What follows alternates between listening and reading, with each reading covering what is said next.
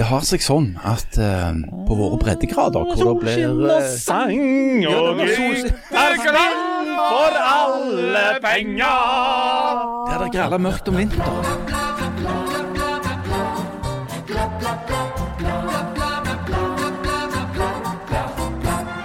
Will Smith drylte Chris Rock på grunn av en vits. Skjerp deg!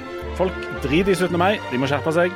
Mødre vil ikke sende ungene sine i barnehagen når de er syv måneder. Ah, skjerpe seg. På generell basis, folk tar ta seg kraftig til sammen, unntatt president Zelenskyj, som jo virker som en topp, topp type.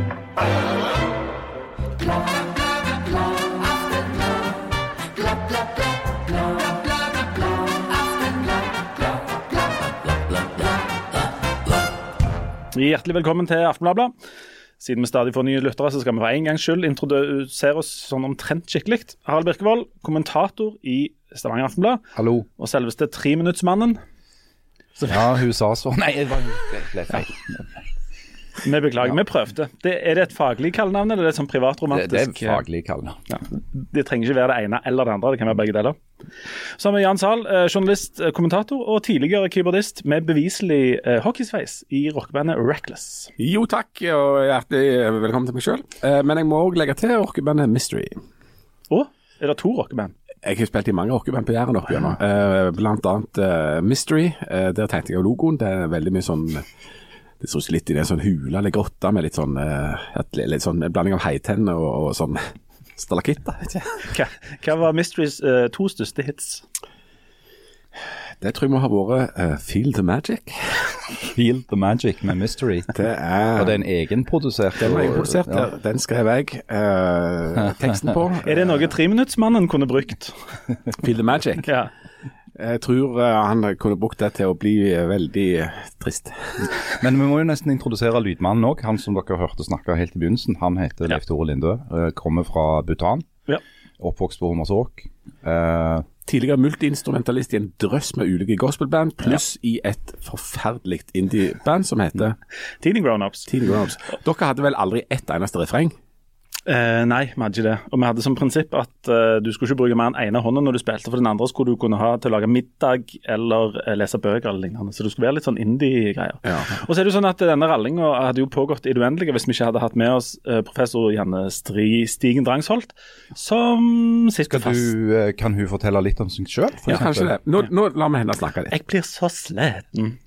Nei, men Janne, hvordan går det egentlig? Janne. Hvor er du, Janne? Janne. Hun sitter fast på motorveien, for der er det noen biler som har smelt i hverandre. Og Janne sitter i første rekke der. Og Håper det gikk bra med alle involverte.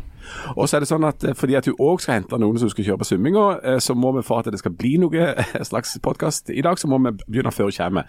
Så får vi se hvor lenge hun Janne er jo på en måte Trones egen sånn tårnfrid. Ah, hun er Hun, altså. hun er jo alltid i farten. Eh, står, he- står alltid på, på farten. og hun er, Enten så kommer hun for seint, eller så går hun tidlig. For hun må rekke et eller annet. Og så påstår hun jo òg at hun jobber som professor, er det vel, oppe på universitetet. Det er jo bare noe Jeg har bare hennes ord for det. Det er rykte. sånn. Jeg har hørt og jeg har jobbet i Forskerforbundet at det er mye lettere Det er mye vanskeligere å bli professor enn å være det. Ja, ikke sant. For det virker jo relativt eh, Altså, hun har jo tid til en god del utenomsportslig, i tillegg Altså, til det der med professorgreiene. Hvis det hadde vært vanskelig å være professor, så kunne hun ikke være kirketjener i tillegg, nei. I tillegg. for Og det sånn, er- eller Football-mom, som football-mom er. og swimming-mom og Ja. være med på mai-taler. være med på alle podkastene som blir lagd i hele Rogaland. Ja, for hun er litt sånn løsaktig når det gjelder det. Vi trodde jo at når vi lagde denne podkasten med Janne, så ville hun liksom At være eksklusiv? ja, være litt sånn tro, da. Nei, nei, nei, Trofast. nei, nei, nei, nei, nei, nei. Hvem som helst som lokker med en stol og en mikrofon, Ja. bang, så er hun på plass. Og så driver hun og skriver sånne bøker på sida av, og det er det jo mange forfattere som sier jeg trenger tid. Hun hvis de, Jan- et Hvis på hadde vært her nå, så hadde hun sagt jeg blir så sliten. Ja. Ja, Men for vi- vi blir veldig sliten av, av det hun oppfatter som kritikk. Men samtidig så er det ganske kjekt når hun først kommer her til og liksom uh, hiver seg på. Iallfall av og til. Bitte litt rett før hun går. Jeg syns det er nokså trivelig. Men vi får se hvordan dette utvikler Ja. seg, da. Altså, kommer hun, så kommer hun. Ja, Sa treminuttsmannen. Så, ja. Nei, De stilte meg. Jeg må bare, må bare beklage på forhånd alt vi sier. ja, er ikke her til å være sånn moralsk stetoskop. Da får da hun å si at hun blir veldig sliten og Veldig sliten. har lyst til å gå. OK. Um, sa tre minutter um, OK. Harald, du, har, du, kom jo, du måtte jo nesten utsette litt fordi at du har sittet og hørt på denne talen til den ukrainske presidenten. Altså en tale Ja. til det norske Stortinget. Ja, jeg kommer direkte fra den talen. Hvorfor i all verden taler en ukrainsk eh, president eh, til det norske Stortinget? Dette er jo en ting som han Volodymyr Zelenskyj, som er president i Ukraina, har benytta som et av sine fremste våpen i den informasjons- og propagandakrigen som han driver, parallelt med den eh, faktiske krigen.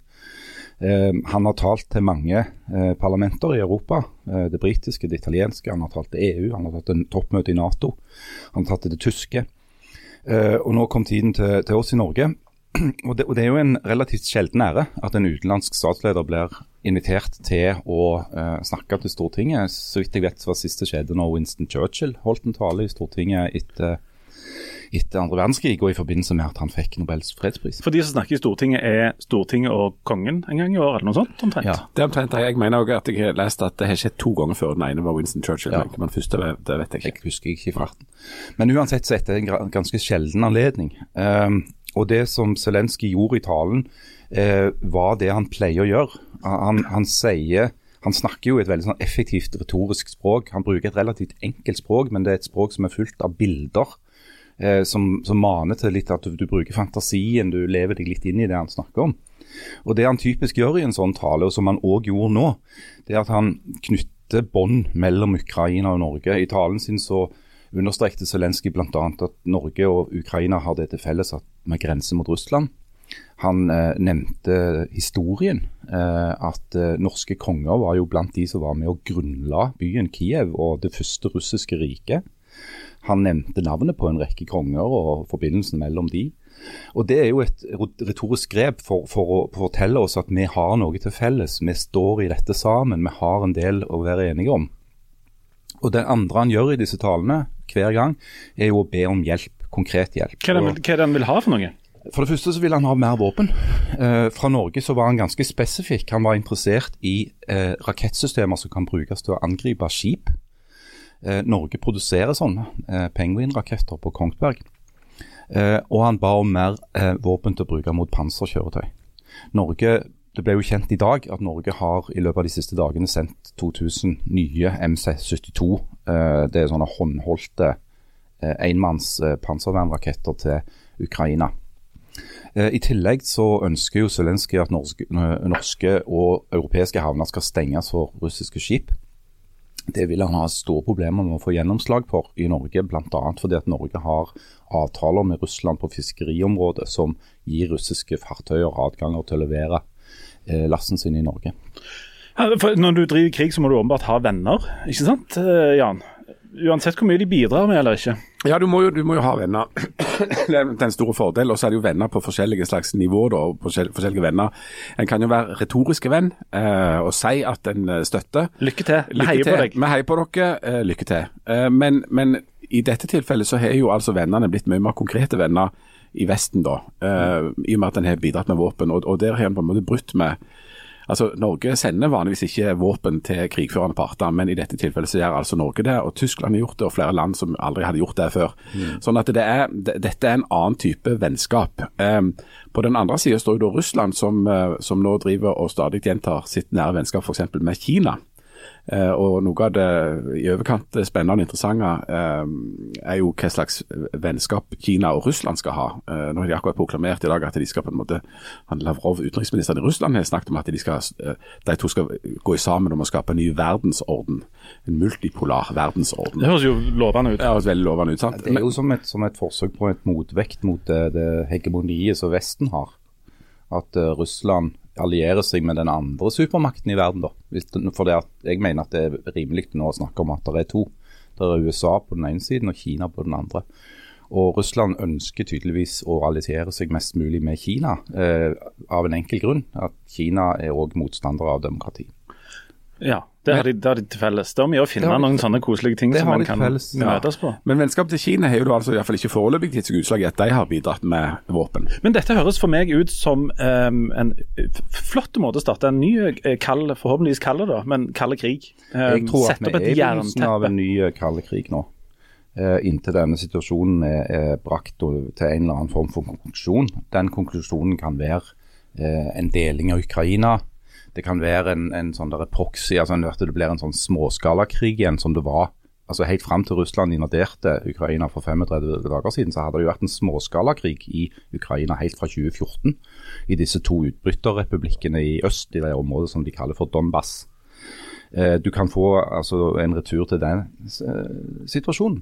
Eller så kan det jo, hvis du har lyst til å være litt optimistisk, da, kan det jo skje en eller annen form for regimeendring i Russland. At, at Putin blir så svekka av økonomiske sanksjoner, store militære tap, at han, han, blir satt til side på en eller annen måte. Eh, men det er jo heller ingen garanti for at han da vil bli erstatta av et demokratisk system. Det kan jo være at han bare blir erstatta av en annen diktator. Det kan alltid bli verre. Ja, det er jo min klare konklusjon etter 54 år på jorda, at det kan jo alltid bli verre. For det er vi som sitter i, i, i sånne eh, flotte vestlige liberale demokratier, så vi sitter jo egentlig eh, alle og tenker kanskje noen bare tar noen grep borti Russland og fjerner Putin, og så er dette problemet løst, og så kan alle bli sånn som oss, og så keep on carry on. Mm. Eh, det er jo det som er den våte drømmen vår, er det ikke det? Ja, men så viser det seg at så enkelt er det ikke, da. Utrolig irriterende. Lettere å si det enn å få gjort det.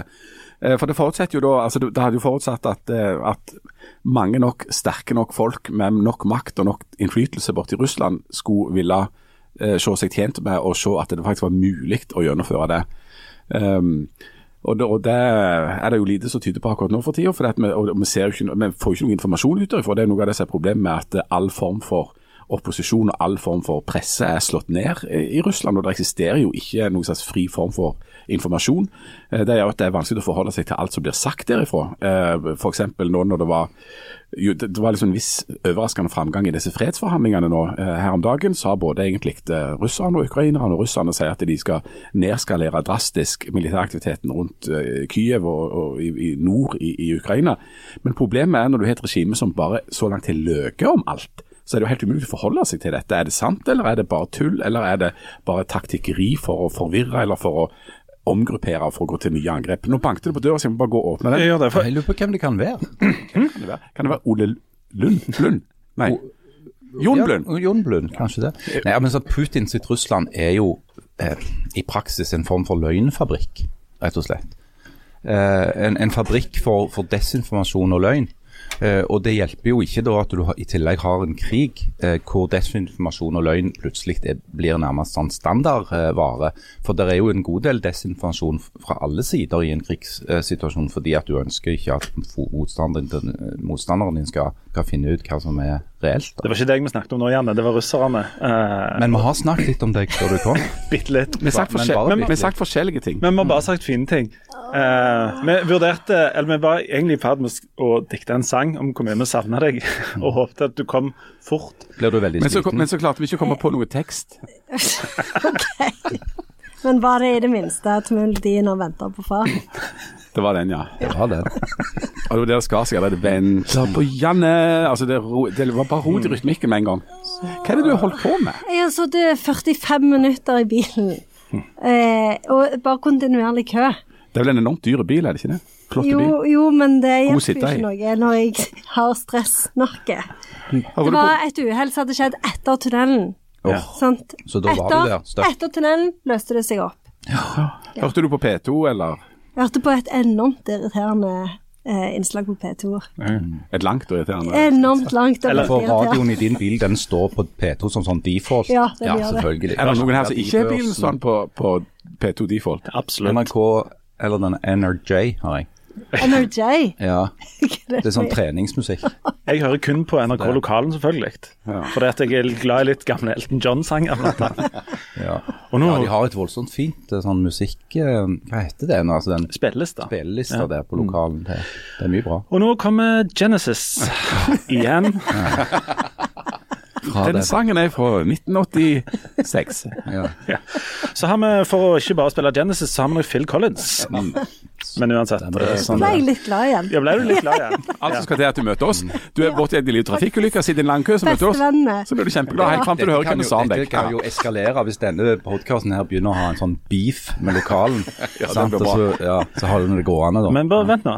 Alle i, dette er en melding til alle i NRK Lokalen. Uh, hvis dere tør så møtes vi på Ullandhaugtårnet. I, I klokka, klokka fire Ja. eh, på søndag. I, i, ingen våpen, og kun lov å, å, å, mid, å liksom slå i midjen. Ikke i ansiktet og ikke i, i underlivet, holdt på å si. Ikke lov med kniv heller. Nei. Får vi se hvor mange fra NRK Lokalen som møter opp. Du, vi snakket om, om det eh, blir han der Skjæveland. Han ser ikke helt trygg ut. Nei. Kvinnesland skal jeg klare. Ja, Ja, han jeg ser ikke synd på altså. Skjæveland ser jeg ikke Og så er jeg litt redd Ingvild Bjorland, eh, selvfølgelig. Ja, for det hun forholder seg ikke til det med Nei, men jeg tror, jeg nei, nei, så tror jeg bare når det svartner der, så tror jeg det er helt Når gardina går ned. altså. Ja. Ja.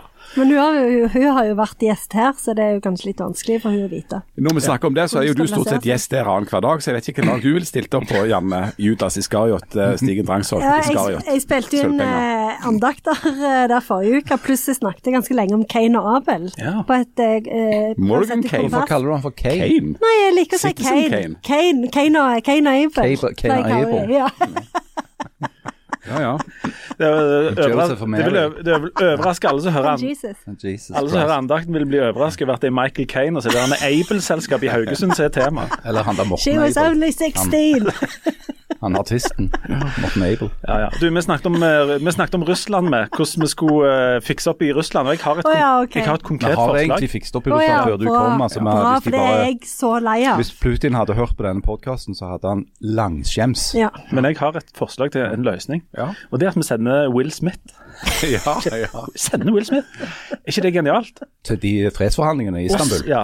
og så Ja. bare slapper han til Putin, og så har vi det gående. Mm. For det var jo eh, I går så tror jeg jeg så 30 sånne Will Smith eh, slappe Vladimir Putin-mener Ja, ja. i min egen feed. Nydelig, nydelig. Um, Ikke alle er like gode. Nei, noen av de er ganske Ja, noen er gode. var det noen av dere som satt opp og så denne Det er du jo spinngalen. Det er midt på natta. Det- Det var jo den minst sette Oscar-utdelingen noensinne. Ja, og det er det hvert år nå. Ja. Ja. Sånn Men- at Så det eh, blir nok snart en heldige, sånn privat, det. eh, privat middag. middag. Men det var en viss interesse for denne utdelingen etterpå. Det er jo ingen som husker hva slags eh, filmer og sånt som har holdt på, men, men Will Smith han eh, gikk altså opp etter at Chris Rock hadde fyrt av en vits mot kona, som har en sånn uh, hårtapsykdom som ble for mye for han, så han gikk opp på scenen og, og drylte han. Drylte han ikke sånn, han slo han med flat hånd én gang.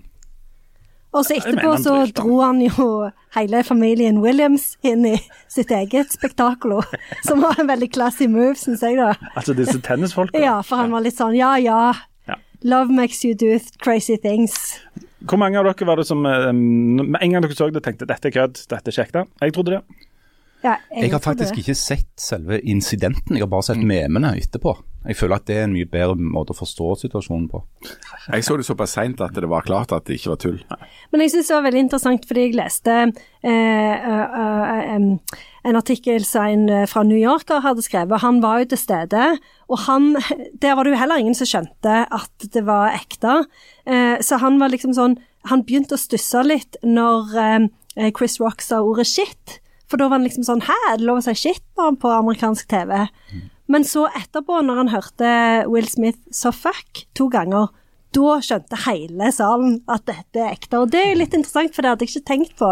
At det var på en måte for amerikanerne så var det det som gjorde at de skjønte at det var ekte. det er jo interessant, det. Altså at, eh, at eh, det er helt greit med vold, Ja. men hvis noen sier shit Ja. eller fuck, Nemlig. da er det trøbbel i tårnet. Eller Ja. vise puppen så hun, Ja, sånn som hun ja, ja, Janet Janet Jackson, gjorde. for det var jo enda Og da, verre. var jo, da gikk jo gardinen ned over hele landet. Ja. Ja. Eh, Men jeg synes jeg blir veldig, for å bruke et, stjele et uttrykk fra deg, Janne, veldig sliten av de der som nå kommer krypende fram i alle slags kommentarfelter på Facebook og sånn, og så emjer om Og vold er aldri noen løsning.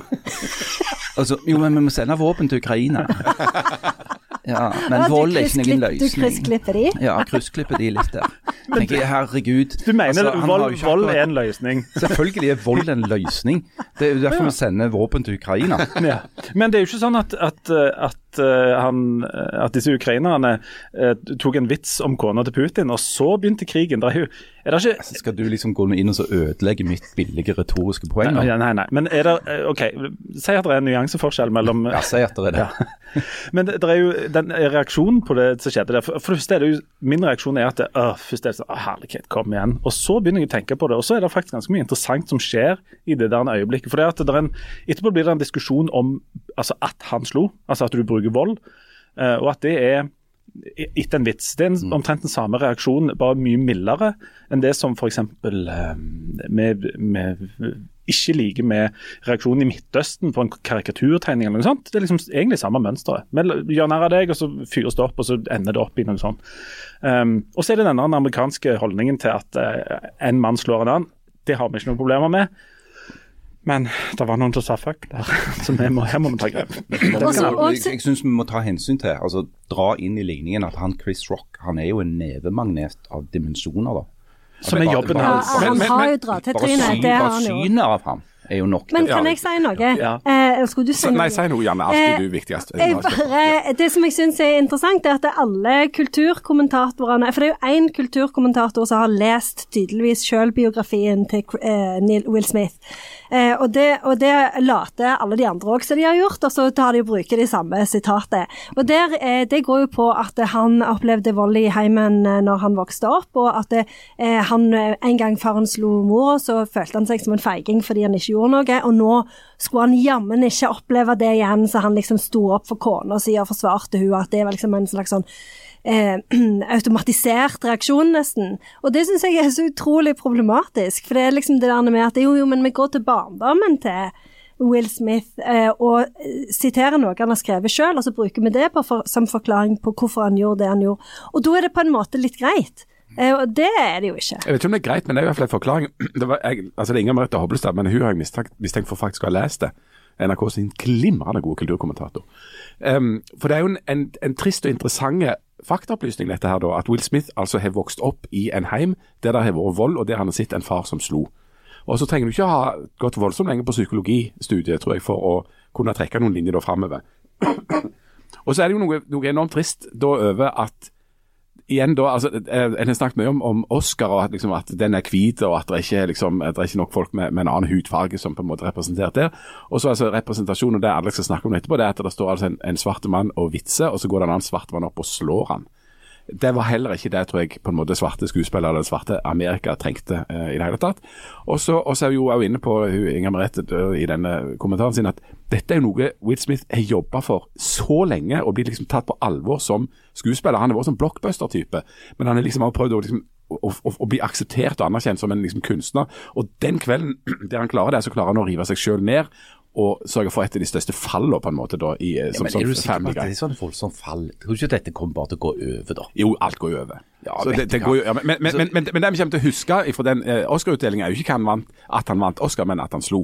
Ja, men det er jo delvis fordi eh, alle er jo enige om at det var verdens kjedeligste utdeling. Og det er jo, vi har jo snakket om det i denne podkasten før, at det, det er jo ting som tyder på at sånne, eh, sånne eh, eh, utdelingsshow At det, det er ingen som ser på det lenger. Det er ingen som er interessert i det lenger. De var for lenge og de er for kjedelige, og derfor så fikk vi inn litt action denne gangen. Ja, ja, tydeligvis. Men er jeg den eneste som er overraska over at folk stadig ehm, På arenaer der det er folk som forteller vitser mot betaling, sitter i salen og blir voldsomt provosert over at folk eh, forteller vitser fra scenen når de får betalt for å fortelle vitser fra scenen. Altså Oscar-verten det er flere som har gjort dette, Ricky Gervais bl.a. Um, og på en måte he hele underholdningen der er at han går løs på folk på ganske brutale og litt sånn småstygge måter. Det er setupet. Det er hele opplegget på disse Oscar-utdelingene. Og allikevel så blir folk, altså sånn som Will Smith, da, så enormt provoserte. Jeg, jeg har vondt for å forstå det. løye, altså Igjen med det kaviaten at jeg ikke så dette her dritten. Mm. Men altså, var det morsomt det Chris Rock sa? Nei, det var det jo ikke. Men ja, det går jo an å ikke være løyen. Det er jo ikke en, eh, en Men det som jeg syns òg er interessant, det er at det, um, hun um, Rebel Wilson hun tok jo òg en sånn Will Smith-spøk på BAFTA. eh, var det ikke BAFTA? Som var, ja. Jeg skulle si en Britisk. Oscar. ja, eh, og, det, eh, og det, den, der eh, spøkte hun òg med eh, han og kona. Så det er tydelig at det er, det er egentlig altså, Og det er jo eh, en spøk som har jo Chris Rock òg spøkt med det før, og gjort narr av de to. Så, så det er jo på en måte en eh, kultur for, for å gjøre det, da. Men, men, men jeg er helt enig med deg, Leif Tore. For det, at dette er jo ikke første gang det skjer. og Det har jo bl.a. skjedd i Stavanger etter en revy, f.eks. Med en sketsj inni en revy. At det da blir rettssak. Eh, Fordi at, det var det, at eh, en mener har gått over noen grenser med en frisør på Bryne. da. Eh, men det er jo helt merkelig, og det er en veldig sånn rar eh, omdreining at hvis hele poenget er og hele setupet og hele rammen for det er at dette er humor. Og det er litt sånn frisk humor. Hvis du sitter på første rad i Oscar-utdelinga, så er du veldig mye TV-ute, og det er mange millioner som ser deg. Men da sitter du da og lager det til folk, og det vet du for komikeren som står der framme. Det er jo hele greia at du skal stå og, og, og være løyen. Ikke? Og så er det OK, er det noen ting vi ikke kan spøke med da? Kan vi ikke spøke med at noen har en sykdom som gjør at eh, noe av håret ramler av? Jeg, jeg, jeg er jo i Bringe Torkelsen-tradisjonen og mener at du kan spøke om alt absolutt alt i hele verden, men det interessante er hele tiden når det gjelder humor, er det løye. Altså, hvis, hvis humoren ikke fungerer, så skal du ikke, så, så fungerer det ikke, da fungerer Og da det fortjener du en på trynet. Og da for, nei, da fortjener du ikke en på trynet. Men, men det handler fint lite om, om du, om du snakker om, om, om hårtap. Ja. Om det, handler om, om det handler om hårtap eller om det handler om, om eh, krig, for den saks skyld. Altså, Ukrainerne er jo veldig gode på svarte humor, visstnok. Det er masse humor i Ukraina nå, der de blir bomba sønder og sammen, f.eks. Men, men, men humor er jo en sikkerhetsventil, en måte å, å si, overleve på, eller liksom forholde seg til en masse ting. Du kan si en masse ting som, som noen tenker og noen ikke tenker, eller som overrasker. Det er det som er hele poenget. Og, eh, altså, Den korrekte reaksjonen på en sånn type vits i en sånn setting er ikke at folk ler seg forderva, men en sånn en, Ja. At han tør. og det er jo det som er, altså eh, Chris Rock sin rolle der er jo å drive og danse fram og tilbake på, denne, på den linja der. Og så er det nok altså det, Jeg syns ikke det er noe i veien med at eh, noen reagerer, og at det er litt sånn vondt å få den tett innpå seg, og sånn, men at det skal ende opp i noe sånn som det der, og at det at på en måte noen prøver liksom å legge føre den skylden for at dette skjedde, tilbake til han som forteller vitsen, syns jeg er ganske, ganske sprøtt. Og Du nevnte Per Ing Torkelsen. Han, han hadde jo ganske mange eh, glansnummer om, om dette her, om på en måte litt sånn lytehumoraktige ting. Han var jo en, en veldig sånn uh, frittenkende fyr på dette området. Jeg, husker jeg satt eh, hjemme i stolen hos Per Inge Torkelsen. Han fortalte om han hadde vært på sånn, sånn rehabiliteringssenter, Sunnaas, er det ikke det heter? For sånn trafikkskader, og skulle inn og og, og underholde. Og Denne historien har jeg sikkert fortalt før, men han kom inn der, og så uh, går han bort til ei som ikke klapper, og liksom eh, ser hun i øynene og så- og begynner å kjefte. da. Hvorfor klapper ikke du? Og så sier hun at jeg har ingen armer. Som er ganske dristig, sant? Men alle de andre klapper, og, og, og alle ler, inkludert hun. Og så sier han ja, du, altså, her kom jeg, og så er det ingen applaus. Eh, og, og hun ler ordentlig mye, og, så, og hans kommentar til at hun ler av det, er Du sliter når du begynner å sugle nå. Uh, og uh, det er jo en, altså, det er jo en sånn verden jeg Men hvis, skulle hvis ønske at mannen hennes hadde vært der, Ja. da hadde han jo gått fram og droget til Per Inge. Ja, hvis han hadde armer. Som. Hvis han hadde hatt armer, da. Unnskyld. Ja. Um, men, og jeg skjønner jo at dette er vanskelig, men i min idealverden så fungerer jo sånne ting som det der. Um. Men jeg, altså, jeg syns vi rett og slett bruker for mye tid på dette. For det er egentlig bare en tullesak, en fillesak. Det er jo en tullesak- selve kommer til å være glemt om ei uke. Jo, men selve saken er en tullesak, men det er jo, sånn som Jan sa tidligere, enormt mange interessante aspekter ved han som gjør det gøy å snakke om han. Eh, og ikke minst dette her som, som du sier nå, eh, med, med humor, at det liksom hvor Altså, er det ei grense, og er det, eh, er, er det liksom et punkt hvor det er greit Ja. å gå opp og slå komikeren, og, Og det- det, er det jo selvfølgelig og det er det ikke, men, men de der grensene for hva altså Sånn som Jan sier, humoren sin oppgave er først og fremst å være løyen. Og neste Oscar-utdeling så er det ikke løye lenger å spøke med håret til Jada Smith, men det er kjempeløye å spøke med slaget til Will Smith. Og, og på den måten så forandrer jo de der grensestolpene seg. Og det, det har ikke med at det er, det er at det ikke går an å tøyse med en sykdom å gjøre, men det har med å gjøre at det, noen, det er noen sånne forstyrrelser som gjør at ting rett og slett ikke er løye lenger. Og det, men det, det som Will Smith gjør, det, det kommer han til å få høre eh, lenge. Mens jeg tror håret til, til Jada Smith, det er ikke så morsomt lenger. Sånn går dagene. Sånn det- går dagene. Ja. Er alle enige? Og så er det en Jeg mener fortsatt at vold er en løsning av og til. Hvordan vil, har du, hva tid var sist du reiste deg opp i raseri for å forsvare en av dine mange koner? Med et slag. Jeg, jeg husker det godt. Har du gjort det? Ja. Har du, har du reist deg opp og slått noen? Har du fyrt til noen for å forsvare æren til din kone, altså din, din egen eiendom? Jeg, i- Ja, Svaret på det spørsmålet er ja. Oi, Er dette noe du har lyst til å fortelle mer om? Nei. Eh, Kan, men men eh, kan jeg bare få spørre, eh, funka det på et vis? Til de grader. Å ja. Akkurat. Gikk du i begravelsen til han Sendte blomster. Var det på 17. mai? Det var på 17. mai? Nei, det var ikke på 17. mai. Nei, men begravelsen var på 17. mai. 17. mai er jo den dagen der de slenger rundt seg med sånne fornærmelser til konene til andre. Hei, hun så tjukk ut i bunad! Så har du det gående. Huff meg. Ja vel. Vi skal snakke mer om 17. mai, faktisk, men nå må vi ta en eh, kjapp liten pause. Og så er vi snart tilbake.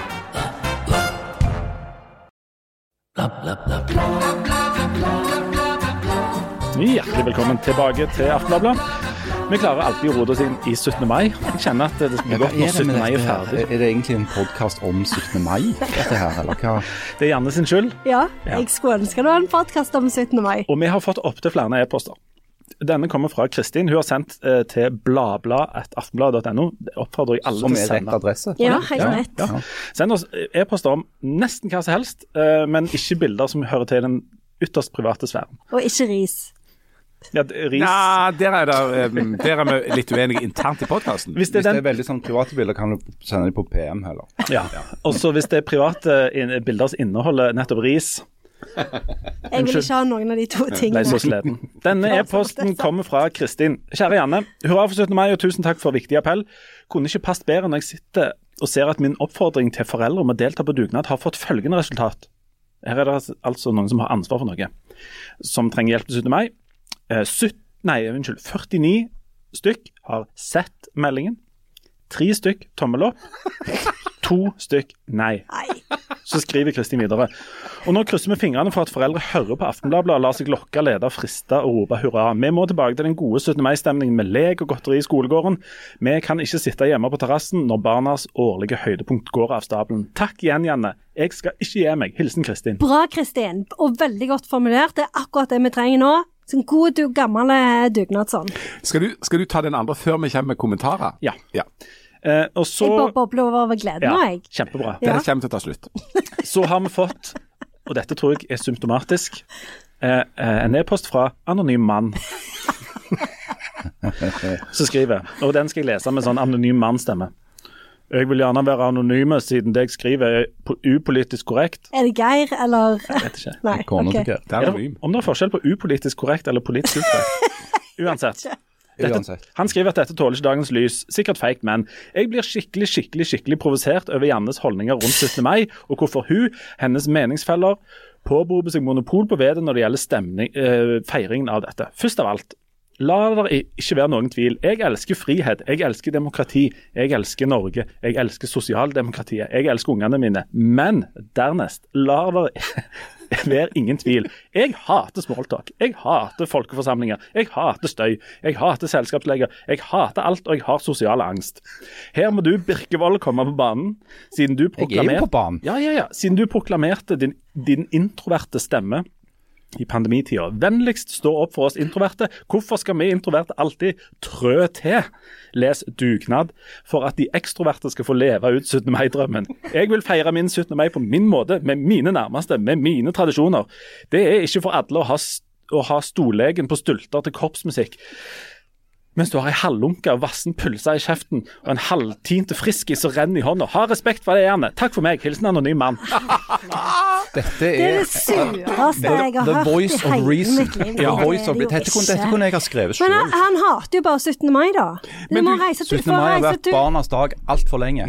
Ja, ja, det. Nå er det menn i kommentarfeltet sin dag. du kan ikke hate konseptet 17. mai. Nei, det henger jo ikke 17. mai. greip. Er dugnad er jo 17. Mai. men, du, men, men Janne, altså, hvis, hvis, hvis du ser disse to innspillene mot hverandre, som jo representerer to eh, vidt uh, ulike altså De, de representerer på en måte ytterpunktene innenfor dette med eh, 17. mai-diskusjonen. da.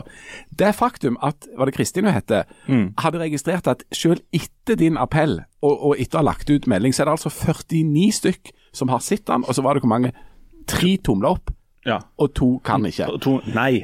To nei. Det Men, men, men, men, si- men for, at, for at i den der begeistringsgreia og den der nå må vi stille opp og ha sånne potetløp og hoppe rundt på en sånn hinkegreie Altså, Sier ikke det deg noe om at det som folk egentlig mener, er at nei takk, vi vil ikke ha det? Nei, skal jeg si hva det, skal jeg si hva det sier noe om? Fordi senest i går, eller tror jeg det var i går, så hadde Aftenbladet en framside om at det, der, eh, barn ikke møter opp på skolen. Det er enormt stort fravær i skolen. Vi har snakket om før i podkasten at det ikke dukker opp folk på kulturarrangement. Jeg tror at det er bare en sånn en letargi en slags sånn nummenhet og passivitet som har truffet folk under korona, eller som har liksom vedvart under korona, og som nå henger igjen. Og det er den vi må bryte ut av. Nei. Det er de lenkene vi må bryte. Vi må ta tilbake 17. mai, sånn Nei. som vi pleide å være før. Nei. Og møte opp og være med på den hinkeleken som Jan snakker om, som jeg ikke har hørt om, men som høres kjempegøy ut. Nei. Vi må gå i tog, ta på oss eh, Sandnes Ulf-drakt. Nei, Nei, nei, nei, nei, nei, nei, nei. Nei, nei, nei. Nei, nei, Nei, nei, nei. Ulfdrakt.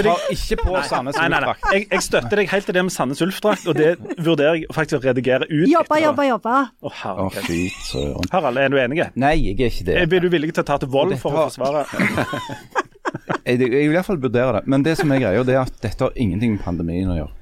De av oss, Sier du. altså de av oss, og vi er mange, Altså som aldri har likt dette her driten. Vi har Demo- ikke- vi har demokrati ikke- og frihet? Vi hadde den holdningen lenge før det var 17. mai, noe koronapandemi. Og, og det handler om at eh, altså, sekkeløp og, og kasting av svamp og, og, og kalde pulser er ikke spesielt gøy, rett og slett. Det er grusomt fælt. Eh, og påtvungen smalltalk med folk du ikke kjenner, bare så tilfeldigvis er foreldre til noen andre unger, som sitter der og har det akkurat like vondt som deg i den skolegården. du, kjenner du jo fra FAU og forskjellige plasser, som du har vært med i engasjert deg. Du, ja, hvis du har blitt kjent med dem, så vil du iallfall ikke ha noe med dem å gjøre. Og en brannfakkel her, og dette kommer fra en tidligere 17. mai-taler. De der 17. mai-talerne de er jo med respekt å melde stort sett dritkjedelige. Slutt, da! Nå lurer jeg på om dere er mine bestevenner likevel. Jeg er din Vi beste er jo venn dine ennå. Ja. Unntatt det med Sandnes Ulf, så er jeg 17. mai. eh, fremdeles Ja, din beste. og ganske mye annet når jeg tenker meg om. Hallo! Men du, jeg, jeg har en liten sånn um, spin-off-teori fra din teori. Og det er at dette 17. mai-opplegget, jeg tror ikke det står og henger på de eh, introverte fjosnissene som sitter oppe i Suldal og gnikker på en eller annen bok om en eller annen tsjekkisk revolusjonsleder og, og lengter etter på en måte Hvordan vet du disse tingene? Jeg har sett bildene du legger ut. Og liksom skulle ønske at en kunne være på hytta uten at en sjøl var med en gang. Sånn at det bare ikke var noen der. Um, Det er sikkert veldig fint der akkurat nå, Ja. nå er det ingen der. jeg tror det vi mangler, er de der som er ganske ekstroverte, som tidligere gjorde at 17. mai gikk rundt. Um, de tror jeg har blitt litt sånn, eh, sitter litt på hjernen. Det er de du gjerne må mobilisere. det er det ikke det. de der Harald Birkevold-folka som, som på en måte egentlig bare vil på en måte forsvinne vekk ifra alt, inkludert seg sjøl. Men det er de der han, Det er jo ikke helt riktig til at de vil forsvinne vekk fra meg sjøl. Først så vil jeg fortelle folk hva de skal gjøre og hvorfor, Ja. og så vil jeg gå vekk og se at de gjør det jeg sa. Du vil på en måte sende mange e-poster ut og ikke få noen inn. Helt riktig. Tror du gjerne at det er håp for 17. mai, selv Ja, om det ser tror ringt det. ut? For jeg har jo eh, fått melding om at to stykker har meldt seg til dugnad etter Oi. at de hørte podkasten vår eh, forrige uke. Yes. Så, så jeg tenker at du trenger bare en liten sånn forsiktig dutt som en vårvind eh, som, som bare kiler deg litt i nakken. Ikke som en sånn bitch-slapp fra Nei, Will Smith. ikke sånn, Bare ikke sånn en sånn. liten forsiktig puss. Men har du vært ute i det siste? Den der vårvinden, den Ja, den er jo null grader. Det er jo Ja, aldri det vært kaldere i, i Rogaland noensinne. Det er nå når det liksom skulle være at vår. Det, det Ja, det er så kaldt. faktisk sånn på 17. mai òg. Det blir iskaldt i den skolegården. Iskald motvind, sludd, og så kalde pølse, og så er er det noen som har mista løken. Men det går jo an å Derfor bør alle eh, sjekke at de har sånn uh, ull. Nemlig. eh, Ull under bunaden. bunaden. Men da får de iallfall ikke en bunad, fordi både så må blir sånn- feitere, pluss sånn- at ull gjør at det blir veldig Ja, tjukt. du må ha sånn bare- Ja. og Nå sier du bare løgne ting. Ja, ja, ja. Men jeg vil, jeg vil anbefale alle damer å begynne å prøve dugna, dugnaden. Bunaden. Prøve bunaden tidlig. Fordi at den der perioden eh, der bunaden ikke passer, den kan aldri bli for lang, syns jeg. Jeg syns den godt kan dra Ja, for de blir, så, de blir så omgjengelige og trivelige når de har funnet ut at bunaden ikke passer. Akkurat ja, det de da blir de veldig sånn, de kvitrer. Og så må du huske at en bunad, selv om den passer i den ene enden, så kan den være trang eller vid i den andre enden. Så det er alltid mulighet for at den eh, ikke passer. Pluss at det er lurt å tenke at du trenger ikke dra oksygen så veldig langt ned. Du, det holder bare å dra litt ned i halsen Og så bare Ja. puste litt sånn øverst i Nemlig. lungene. Hyperventilering er jo en uh, Suksessoppskrift. Ok. Um, vi skal, skal også snakke bitte litt om noe Aftenbladet skrev om i um, Det var faktisk i forrige uke. Og, og det handler om permisjon. Fikk dere med dere det? Dere leser, leser dere aviser? Jeg leste det med fravær, skal jeg mer det. Ja, ok. Um, altså, Halvparten av alle mødre i Norge tok ut ulønnet permisjon i fjor. Andelen har økt kraftig etter at denne fedrekvoten økte fra, fem, fra 10 til 15 uker. Eh, dette, altså tall fra en Nav-undersøkelse. I gjennomsnitt var mødre hjemme 16,4 uker uten lønn og foreldrepenger, altså i nesten fire måneder. Og de damene som tar mest ulønna permisjon, bor i trommevirvel, Rogaland. nemlig. Ehm, Det er fordi at de drar på en lang utenlandsferie når mannen har pappaperm. er det det? Er det det? Jeg, jeg sa jo akkurat det var det. Ja, så stilte jeg kontrollspørsmålet. Er det det? Ja, det er det som er så irriterende. Når jeg, altså, som jeg sa nå nettopp. Jeg sier hvordan ting er, og så er vi ferdige med det. Når du fikk unger, Harald, regner jeg med at du eh, sendte kona på sykehus, så reiste du til Suldal, så satt du der til ungen var sånn åtte-ti år, og så kom du tilbake igjen. Ikke komfen. Jeg liker komfeller. Janne, har du, har du drevet med sånn eh, ekstra permisjon? Nei, jeg har ikke det, men, eh, eh, men jeg syns eh, at eh, Altså, jeg, jeg tok så mye som jeg kunne sjøl, og jeg syns faktisk selv om jeg er feminist, så syns jeg at det er viktig at eh, mor får så mye som mulig i det første. Og jeg syns òg det er veldig viktig at far får eh, Bitte, bitte, bitte, bitte, bitte, Nei, at far, at bitte litt. Jeg, jeg syns kanskje at eh, Jeg syns det er viktig at far òg får, og jeg syns det er viktig at den er obligatorisk, sånn at ikke arbeidsgiveren kan være sånn Ja, men det er sikkert greit, du tar eh, to uker. Eh, men jeg, men jeg, jeg, jeg er veldig for amming, så jeg syns at det er veldig viktig. Og da kan du ikke sende ungen din i, i barnehagen når han er 7,8 måneder eller eh, noe sånt. Det er litt Kan du Ja. Jan, hvordan, eh, du er jo en moderne mann på sett og vis. Du tok deg sikkert et, et år ekstra fri for når Ja, Vi reiste på en fin tur til Ja, nei, altså Som eh, sagt. Ja, som sagt. Nei, men jeg, jeg, jeg, eh, jeg er litt sånn usikker på om den der nyheten om den der pensjonen er er det en god nyhet eller er det en dårlig Ja, for Det, det er det jeg òg lurer på. For, for uh, det, dette viser jo at uh, bl.a. at veldig mange i Norge har jo anledning. For dette er jo en måte å bruke pengene sine på. Ja. Altså Fordi at du har råd til å ta ekstra permisjon, og så gjør du det. Som jeg tenker må være en kjempebra ting. Ja.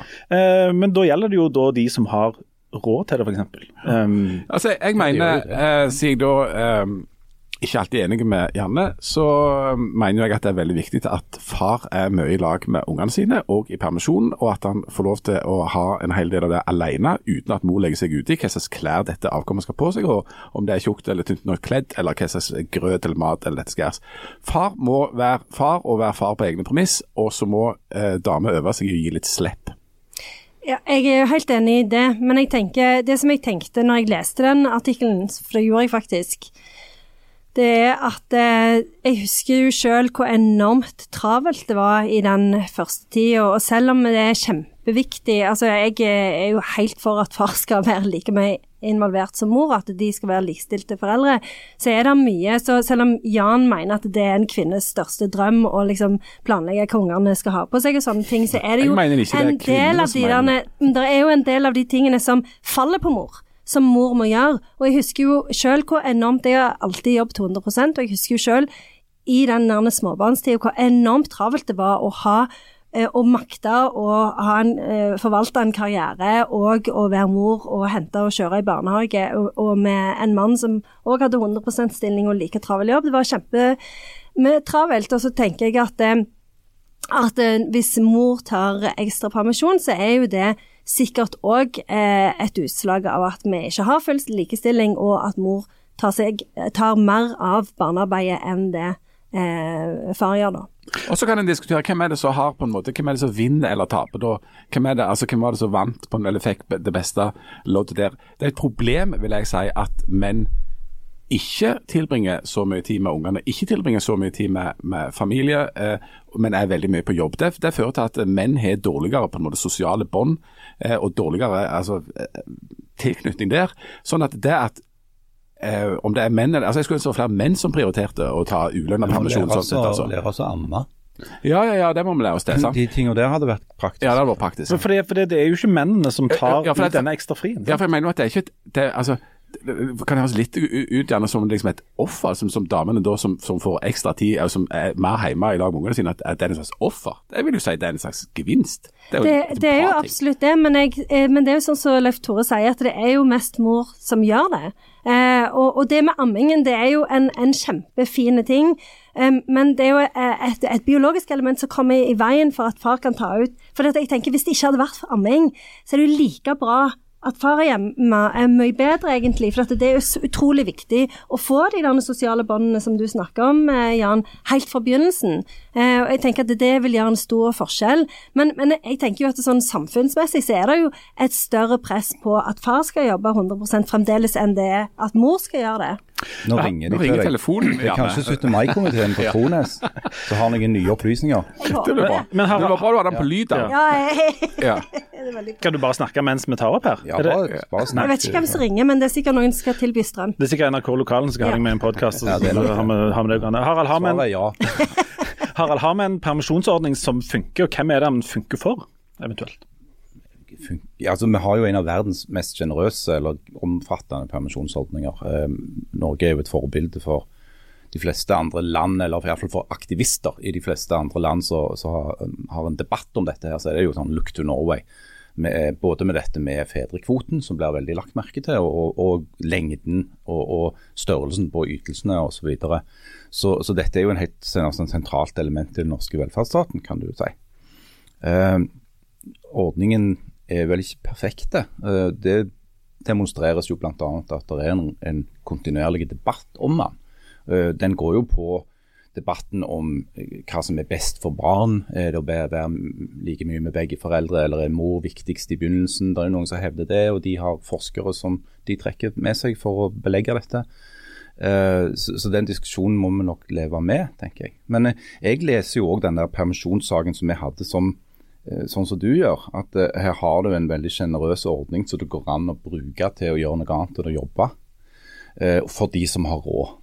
Eh, Særlig for de kvinnene da, som har en ektefelle som har så god eh, lønn at det gjør det mulig for dem å dra to måneder til Zanzibar eh, i pappapermen. Eh, fordi at hun bare kan ta fri, for det gjør ikke noe, for de har nok penger likevel. Så rådet til de som ikke har anledning til å gjøre dette, er f.eks. da å arve penger. Ja, eller Sånn gifte seg med en, en mann Ja. med litt skikkelig økonomi, ikke Ja. sånn der fattig Frans. Ja. Så vi kan da En som til folk om å bli beskytte jo kanskje litt fysisk. Ja, og Ja. en som, det som er villig til å, til å stå opp. oppstå eh, noe. Og, så, Ja. Hvis noen begynner å vitse- Ja, hvis noen begynner å vitse om frisyren til kona, så kan han gå bort og stå litt. Ja. Ja. Eller komme med en sånn kommentar om at uh, jeg ser at, du, jeg ser at kona di er inne i en ammefase. Jeg ser, jeg ser det på bunaden, og så kan du da komme med flat hånd og bare Så de rett ned. Ja, Ja. Stemmer det. stemmer det. Og du frem- fremdeles mener at vold kan løse de fleste problemer? sant? Ikke de fleste, men en god del. Nei, ok. Um, kan det løse eh, en dette, dette kunne jeg godt hatt et sånn oppgjør på tørre never på. Dette med sommer- og vintertid.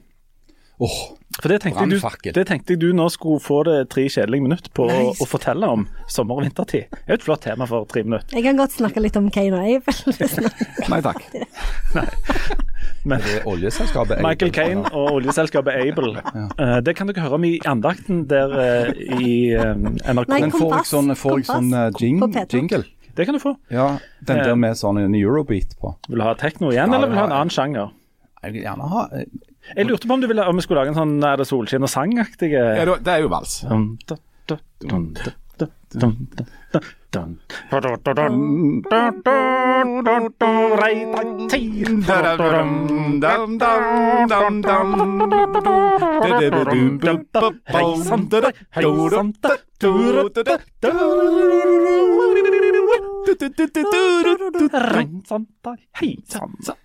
Sommer- og vintertid.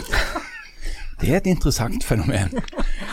Det har seg sånn at uh, på våre breddegrader, hvor det blir eh, sang og er for alle penger. Der det gralla mørkt om vinteren.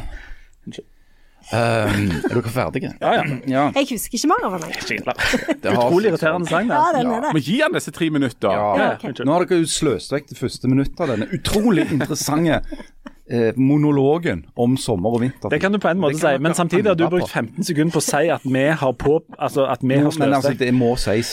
Klar, ferdig. Uansett. Begynn. Sommer- og vintertid. Ja. Det er en ordning som ble innført for å, liksom, at det ikke skulle være så mørkt når du kom hjem fra jobb, og ikke skulle være så mørkt når du sto oppe om morgenen. Og Det har jo noe med at når du bor på den nordlige halvkule, og på den nordlige delen av den nordlige halvkule, sånn som vi gjør, da, så passer det ikke helt hvis klokka er det samme hele veien. For da vil det bli veldig mørkt om morgenen om vinteren og mørkt når du kommer hjem. Så Derfor så innførte de denne ordningen da, med sommertid. Sånn at når du kommer ut på på vårparten så skrur du klokka, og nå skal jeg eh, opplyse dere, en time fram, for du skrur alltid klokka mot sommeren. Så om våren skrur du den fram, om høsten skrur du den tilbake, for da er sommeren tilbake. sant? Mot sommeren, husk det, så vet dere at du skal stille den fram om våren, tilbake om høsten. Nyttig informasjon. Nyttig informasjon. Husk dette. Eh, forleden dag så foretok Kongressen i USA eh, noe så uvanlig som et eh, nesten enstemmig vedtak på tvers av partigrensene om å slutte med sommertid. Jøss. Det er sant. De var enige, rørende enige, om at dette er noe tøys som de burde slutte med. For de har bl.a. funnet ut at dette koster fryktelig mye produktivitet. og er Klokker som må stilles som over tull og tøys, og folk vet ikke når folk har begynt på jobb fordi at i noen stater og sånn og sånn. Så de bare slutta med det. Syns jeg var lurt. Et av målene med det når vi holdt med det, var jo at vi skulle spare penger bl.a. på strøm, og det gjør vi jo Ja, ikke. ja, ja, ja, ja. Så jeg tenker at den debatten er overmoden her til lands òg. Kanskje vi bare skal slutte med det. Eh, men da, og det, nå spør jeg helt åpent, for dette vet jeg ikke, burde vi da gått for sommertid permanent eller vintertid? Synspunkter? Men det lurer jeg på, hva er det som er den ekte tida? Sånn Det er, det er, det er vintertid. Vintertid. er ekte tid. Vintertid er ekte tid. For det at sommertid har du bare liksom om sommeren. Ok, Så det er en Det er jo egentlig tid? et halvt år, så det er jo likt. Men, Ja. ja. Men hvis det er vintertid sin ekte tid, så bør vi jo gå for den ekte tida. Det høres jo riktig ut. ja, jeg vil også si det. Ja. Ja. Eller så kan vi ta den andre, for da ligger vi en time før med at vi ligger en time før resten av verden. Vi ligger godt an. Vi ligger midte. Men Det er jo dette som er et- et problemet. Hva er klokka egentlig? Jeg er litt trøtt for det. Men et alternativ hadde jo vært å så bare slutte med, med alt det der greiene, og så bare begynt å jobbe når det var lyst, og så gå og legge seg når det ble mørkt, sånn som folk gjorde før. da. Men det hadde måtte de jo stå, da sto de jo opp midt om natta, og det virker veldig styret. Ja, Visste du det at i middelalderen så så folk to ganger? det de kalte det for faktisk. first sleep og second sleep. Mm. Og så gikk de og snakket litt med naboene sånn midt om natta. Ja, hadde sex. Mm, ja, ja, det hadde de Det vel. hadde de, ble de måtte det der òg, for det var sånn de lagde nye folk, sånn at vi fins. Ja, ja, okay. Ja, Men hvorfor så de to ganger? Hvorfor så de to ganger? Nei, det var bare det de gjorde. Altså, det er sånn som vi syns det er naturlig å sove en gang. Så de gikk og la seg ganske tidlig, og så så de en stund, så de opp igjen holdt på med ting. Blant annet lagde nye folk. Middelalderfolk? Yes. Og så gikk de og la seg igjen. Men det var jo ikke bare i middelalderen, det varte jo mye lenger enn det, i hvert fall her nord. Det er en veldig interessant dansk bok som har skrevet, som er skrevet om det, om eh, søvnvaner. Så det var først Det er helt sant. Veldig, veldig var en eller annen sånn vitens, kjent vitenskapsfyr som sov 20 minutter hver tredje time. Einstein. Var Mm. Ja. Han er jo nokså kjent som vitenskapsfyr. han, Han er helt- han er helt veldig kjent, helt, kanskje den aller mest kjente vitenskapsfolken Ja, som ja. fins. Ja. Det var han som grunnla den musikksjangeren EDM, Stemmer det? Stemmer. eller noe i den Ja, det det. gata. Er du ferdig med dette foredraget nå? Det er likt det vi andre. Du, bare Spørsmålet til avslutning. Men, Var ikke det han- I Norge har vi jo bare holdt på med dette i litt sånn perioder, i krig og litt sånt, og så har vi holdt på siden 1980. Ja. Um, hvorfor blir vi ikke kvitt dette her greiene som egentlig ingen har veldig sans for? det er jo bare en sånn irriterende skikk som henger igjen, akkurat som sånn 17. mai-greier i skolegården. Det bare henger igjen som en irriterende skikk.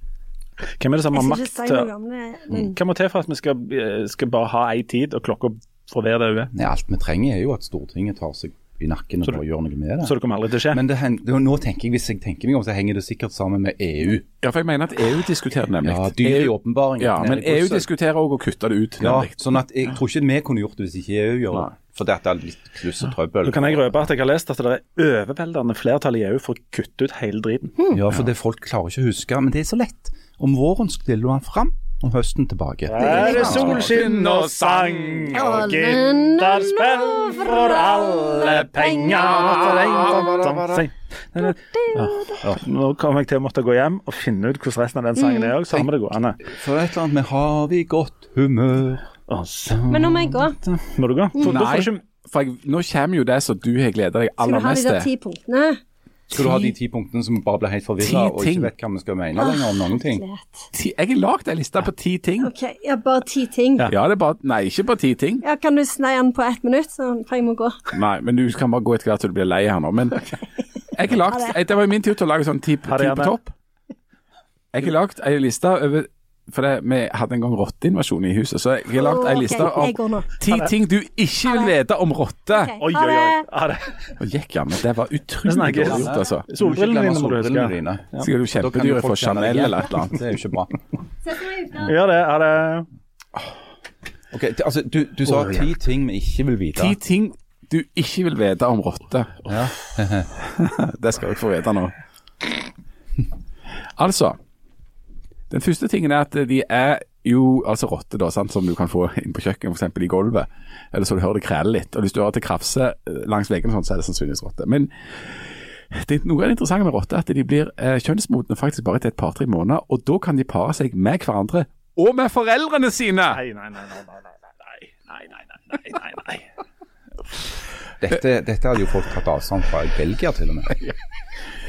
Punkt to. Eh, Hurottene de kan faktisk pare seg på nytt bare et par dager etter en fødsel. Nei, nei, nei. Og Så går de drektige i tre uker, og så føder de seks til tolv unger. Og Hvis du da ser på hvordan dette fungerer i praksis, så kan ett rottepar gi opphav til mer enn 1000 rotter i løpet av ett år.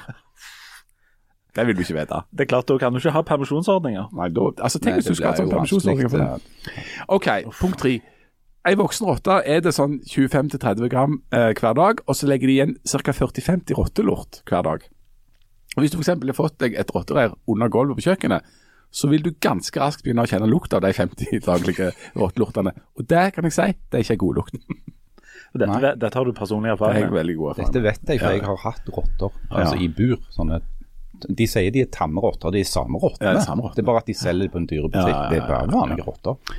Punkt fire. Rotte er, og det, dette visste dere kanskje, men altså de er altetende. Men det er vanskelig å forstå hva altetende faktisk da betyr. Men de altså, kan gnage seg gjennom f.eks. treverk, blyplate, aluminiumsbeslag, vinyl, plastikk og porøse betong.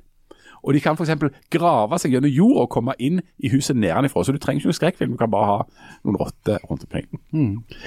Punkt fem. Ei rotte kan ta seg inn gjennom sprekker som er større enn 1,2 cm.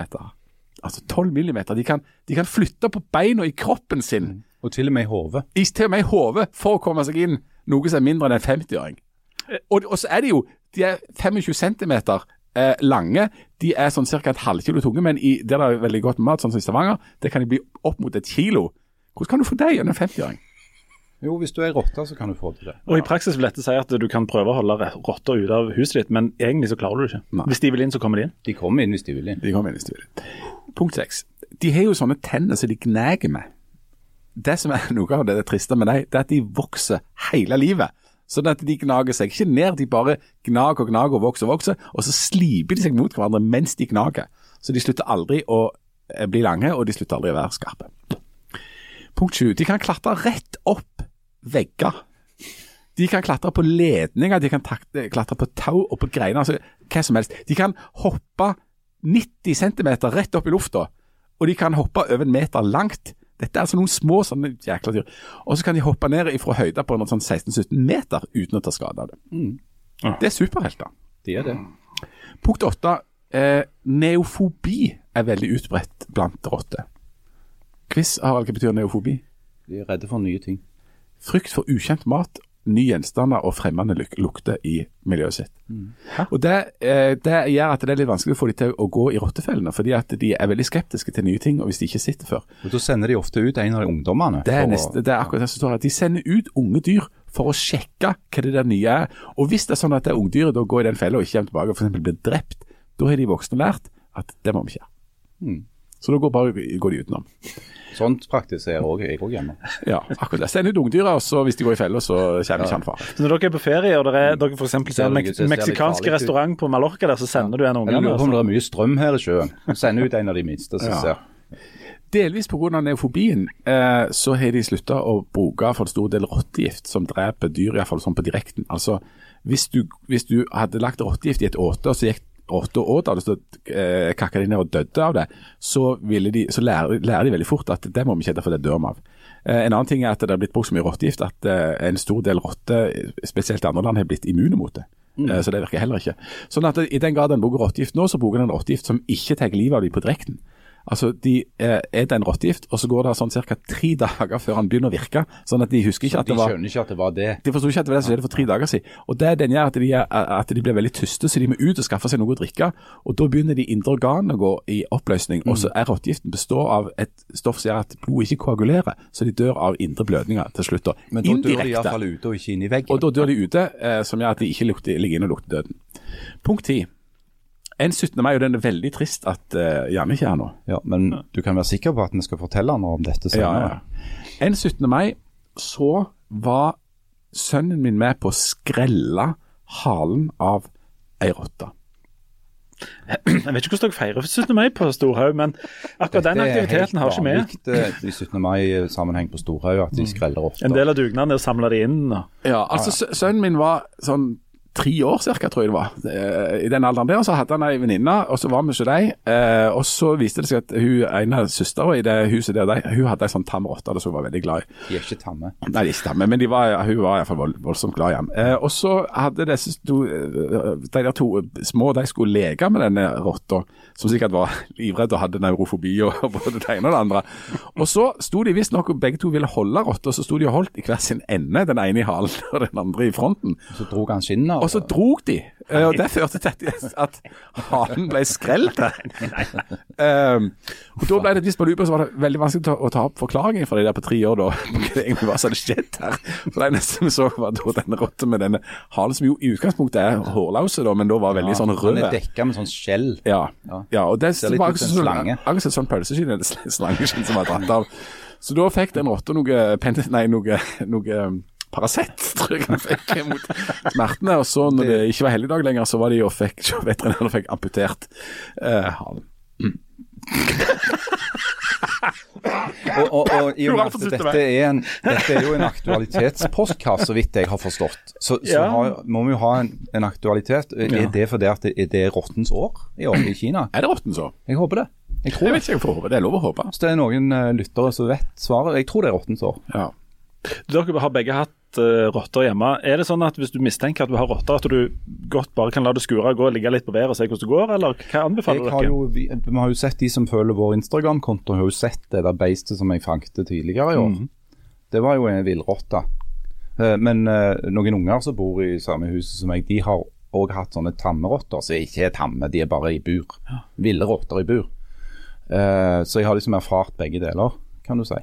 Men eh, den som jeg fanget i den rottefella nå i, vinter, den var jækla svær, altså. Den var, den var sikkert eh, ja, et halvt kilo. Jeg, jeg ville ikke tatt noe spesielt eh, koblet opp på den første faktaopplysningen, altså at ett rottepar kan gi 1000 rotter på ett år.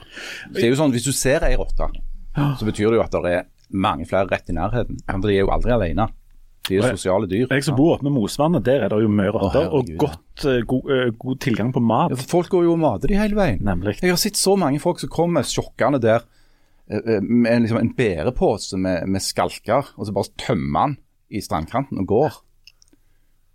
Og de, og de der endene som er der, de er jo stappmette fra før av. ikke sant? Så de bare kikker på dette og ikke taler om sånn. De, de vil bare ha ambrosiabrød med rekesalat og sånne ting. Ellers er de glutenallergikere. Ja, så tåler de ikke gluten. Så, så det, alt det der ligger jo bare til råtne. Ja, det de gjør. Og da er det så god tilgang på mat der at altså, der oppe er rottene på størrelse med en sånn Fiat 500. Ja, ja. ja. det. Men de kommer inn i et hull som er mindre enn en 50-øring. Ja. Jeg har sett ei rotte der oppe. Jeg, I swear to God, jeg trodde det var en hund. Ja, ja. ja, ja. Så tenker jeg, stakkar, har han gått seg vill inn i ja. Og du tenkte ikke 'å, det var en liten hund'. Du tenkte 'oi, der er det en normal det hund'. Dobbermann. Dette er helt sjukt.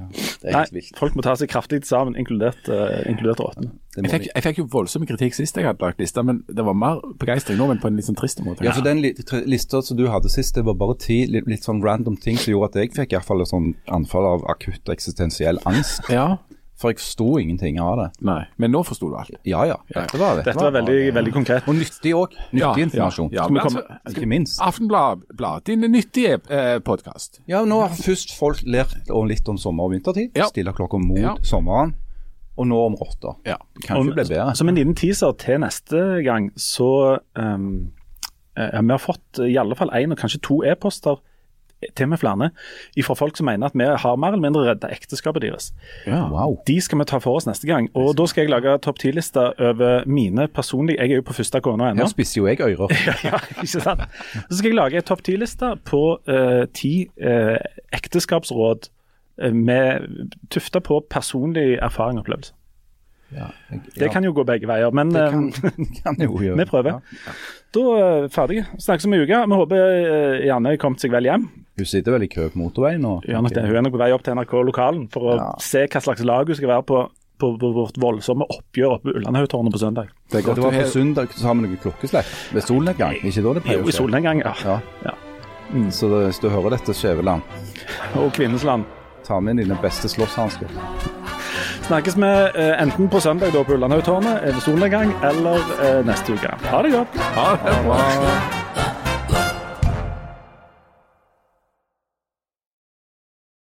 What happens in Ullandshagstårnet? Stays in Ullandshagstårnet. Serverer de vafler nå? Ja, men Vi kunne iallfall solgt billetter til det hvis vi skulle ha sånn showdown med, med de der eh, løst og fast. Ja, absolutt. Utakt. Utakt. eh, ja, jeg tror vi kunne jeg tror, jeg tror folk ville betalt penger for å se dette. Ja. Gode penger. Fight Club. Du vet at mye av eh, utfallet av dette har, henger på deg.